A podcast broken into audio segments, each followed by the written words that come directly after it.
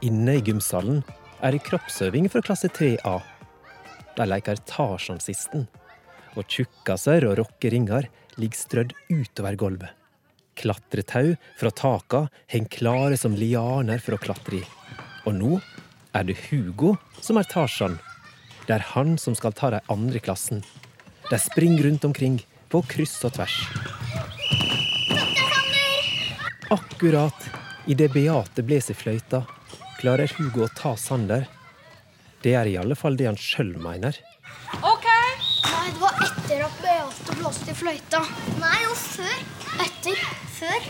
Etter. Da rydder vi raskt inn. Så hvis dere kan ta krakka, og så, Marlon, så kan du ta rockeringa. OK? Og Hugo og Sander, det kan bære en tjukkasen. Alle elevene rydder fort. Dette kan de. Marlon tar rockeringene, og Sander og Hugo tar den svære, blå tjukkasen. Den er tung, men det går greit. Den skal inn på materialrommet på andre sida av rommet.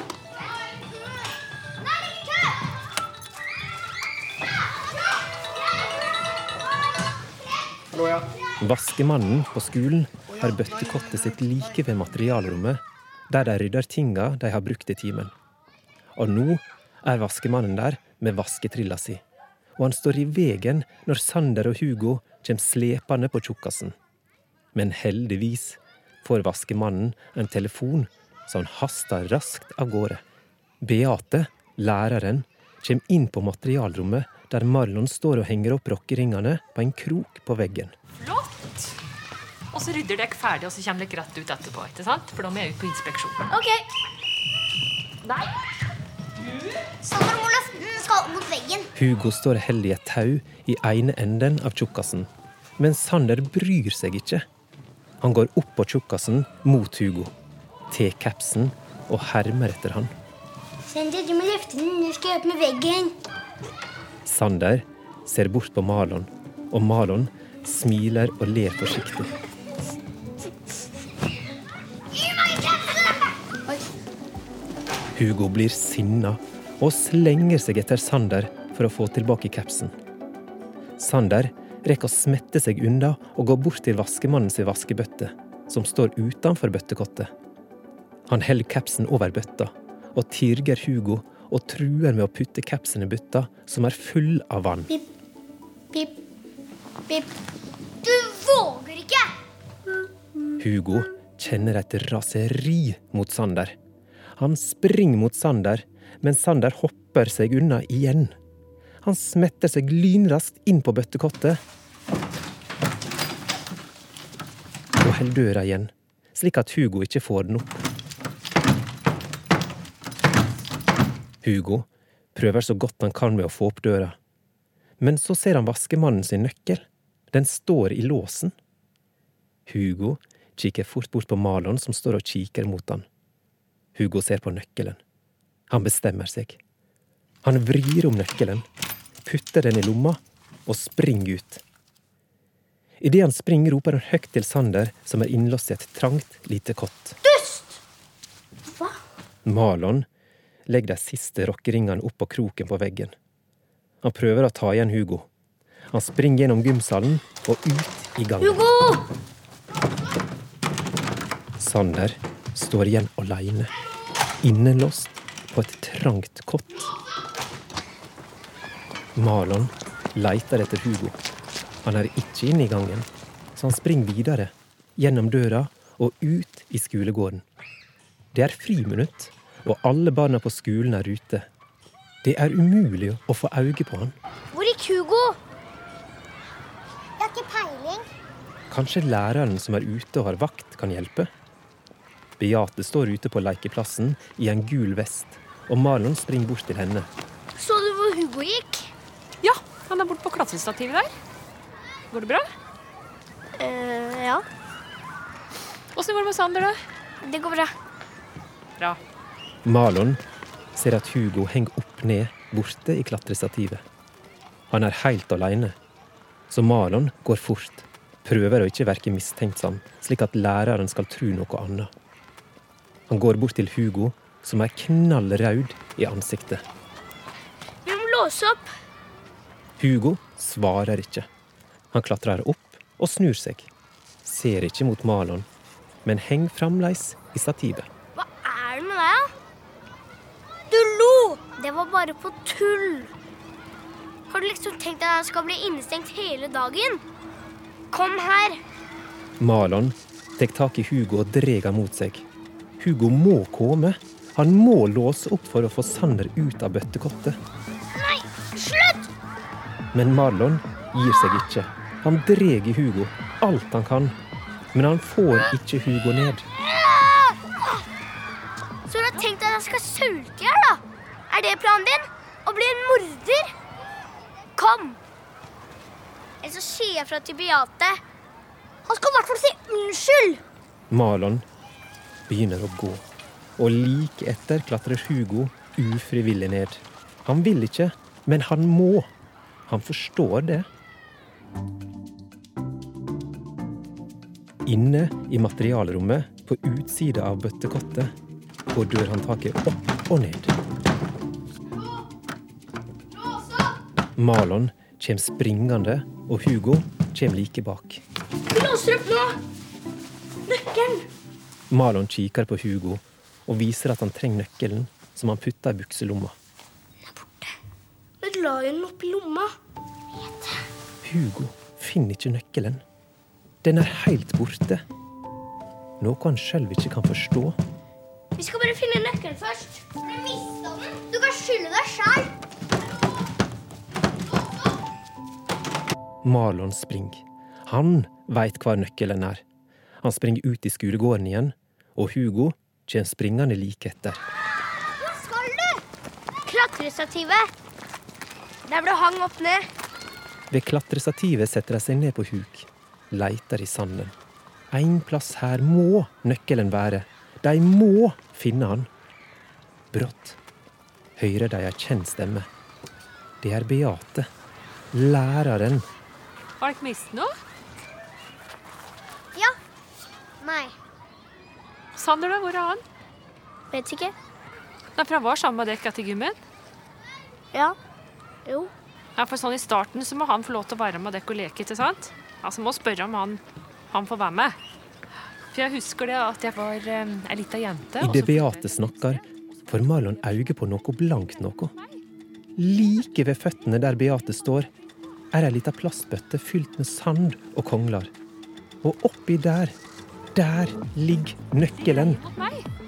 Det, vet du, det, det Beate prater og prater, men det eneste Marlon tenker på, er at Beate ikke må se nøkkelen. Idet Beate starter å pusse brillene med et lommetørkle, misser hun tørkleet. Det lander på bakken, like ved bøtta der nøklene ligger. Marlon springer bort, bøyer seg ned og plukker tørkleet og nøklene opp, uten at Beate ser det. Han klarte det. Takk! Gentleman. Beate, han kasta sand i øyet! Beate snur seg mot noen som krangler i sandkassa like ved. Marlon snur seg, smiler til Hugo, som har fått med seg alt som skjedde. De springer gjennom skolegården, inn døra, sniker seg langs gangen og inn til gymsalen. Hallo? Sander. Ved bøttekottet er det helt stille. Det verker som Sander ikke er innelåst lenger. Marlon legger øret sitt inntil døra og lytter. Han hører ingenting. Han tar nøkkelen og setter den i låsen og vrir om. Men idet han skal åpne døra, drar Sander døra hardt igjen. Marlon kikker på Hugo som et stort spørsmålstegn. Han prøver igjen, men Sander holder døra fast. Men vi må åpne opp. Det ringer snart. Marlon hører en lyd, som om Sander slipper taket på dørklinka. Marlon lukker døra forsiktig opp og får øye på Sander. Trygt opp inntil veggen med hendene framfor ansiktet. Marlon og Hugo kikker på han. Sander sier ingenting. Men han griner. Det klarer de å høre. Så får Marlon øye på noe annet. Buksebeina til Sander er våte.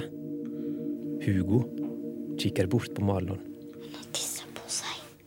Marlon synes synd på Sander, og det gjør Hugo også. Hvordan skal de ordne opp i dette? Medan de står og kikker, hører de brått noen eldre gutter komme inn i gymsalen. Yes, vi er først. Malon må ordne opp, men hvordan?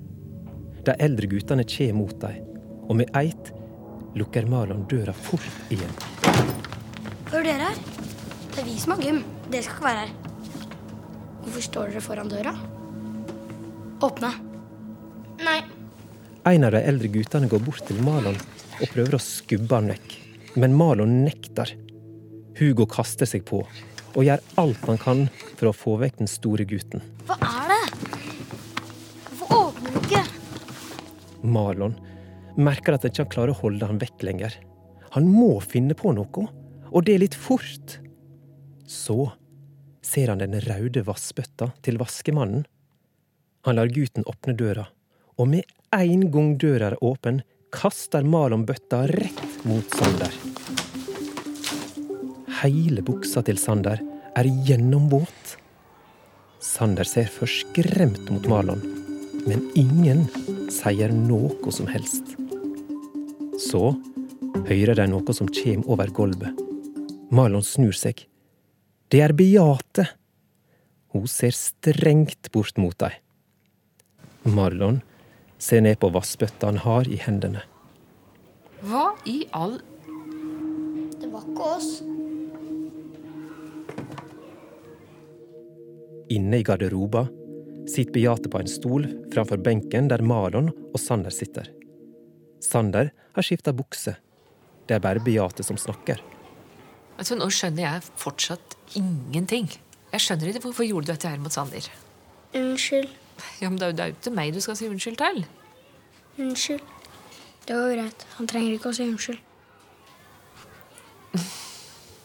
Nei vel. Det var jo bare en lek. Det sa jeg jo i stad. Ok, men Hvis det er sånn at dette var en lek, så er det i hvert fall én ting som er helt sikkert. At sånn leker ikke vi her. Og så er vi ferdig med den saken. Her. Der er du blaute i klærne dine. Malon og Sander reiser seg. De går ut fra garderoba. De er ikke høye i hatten. Men likevel så er både Malon og Sander glad for at det løste seg. Etter skoletid den dagen, på vei hjem fra skolen, står Hugo gjemt bak et skur. Han venter på Malon, som måtte være igjen etter skolen sammen med Sander for å snakke med Beate. Han venter lenge. Han veit at litt lengre framme på veien kommer Sander til å ta til venstre og gå hjemover. Og Malon vil passere Hugo. Etter ei lang stund hører han at Sander sier ha det. Ha det. Ha det. Og så står Marlon der, Marlon. Hei. like framfor Hugo, med Hugo sin caps i handa. Vil du ha appelsinbåt? Ja. Hugo tar ut en appelsinbåt fra en liten plastikkpose.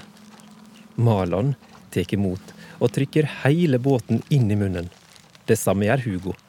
De kikker på hverandre, og Malan begynner å le.